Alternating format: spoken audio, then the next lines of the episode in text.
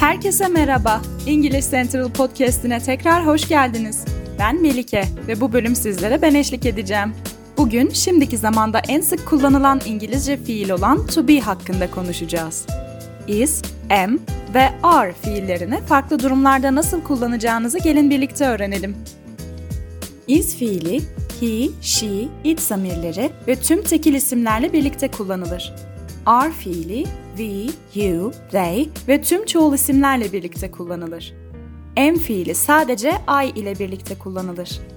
Şimdiki zamanda bir kişiyi veya bir şeyi adlandırmak istiyorsanız özneye göre is, am veya are kullanılır.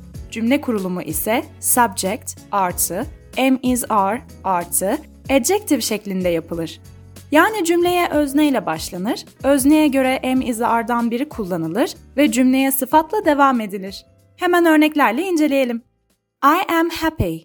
I am sad to see you go. She is beautiful. He's a smart guy. You are a brave person. We are a strong team. Şimdiki zamanda bir kişiyi veya bir şeyi adlandırmak veya meslekler hakkında konuşmak istiyorsanız, bir isim veya isim tamlamasından önce is, am veya are kullanın.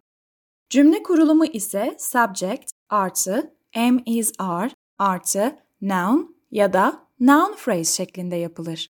Cümleye özneyle başlanır. Özneye uygun olarak emizardan biri kullanılır ve cümleye isim veya isim tamlamasıyla devam edilir. Örneklerle inceleyelim. I am a doctor. I am his cousin. She is a dancer. He is my best friend. Mr. Smith and Miss Bowen are my neighbors. These girls are athletes. Şimdiki zamanda gerçekleşen bir eylemden bahsetmek isterseniz cümle kurulumu subject artı is am are artı ing şeklinde yapılır. Yani cümleye özneyle başlanır. Özneye uygun olarak am is are'dan biri kullanılır. Daha sonra ise fiile ing takısı eklenilerek cümle kurulur. Örneklerle inceleyelim. I am eating salad. He is playing football. Helen is watching a movie. My parents are sleeping. The kids are running outside. Soru sormak istiyorsanız özne ile am is are'ın yerini değiştirmeniz gerekir. Yani cümlenin başına am is veya are yazmanız yeterlidir. Örneğin, Is he okay? Are you coming? Am I really that tall? Küçük bir hatırlatma yapalım. Someone, somebody, anyone, anybody gibi belirsiz zamirler İngilizce'de tekil özne sayıldığı için bu öznelerle is kullanılır. Örneğin, Someone is knocking on the door. Everyone is nice to me. Nothing is written on the paper. Düşündüğünüz kadar zor değilmiş değil mi? Bugünkü bölüm için bu kadar.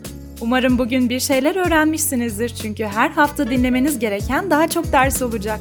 Daha fazla dil bilgisi kuralı öğrenmek istiyorsanız www.englishcentral.com adresini ziyaret edebilir veya İngiliz Central uygulamasını indirebilirsiniz. Bu bölümü beğendiyseniz bizi oynatma listenize eklemeyi ve bölümlerinize kaydetmeyi unutmayın. Dinlediğiniz için teşekkür ederiz. Tekrar konuşmak üzere.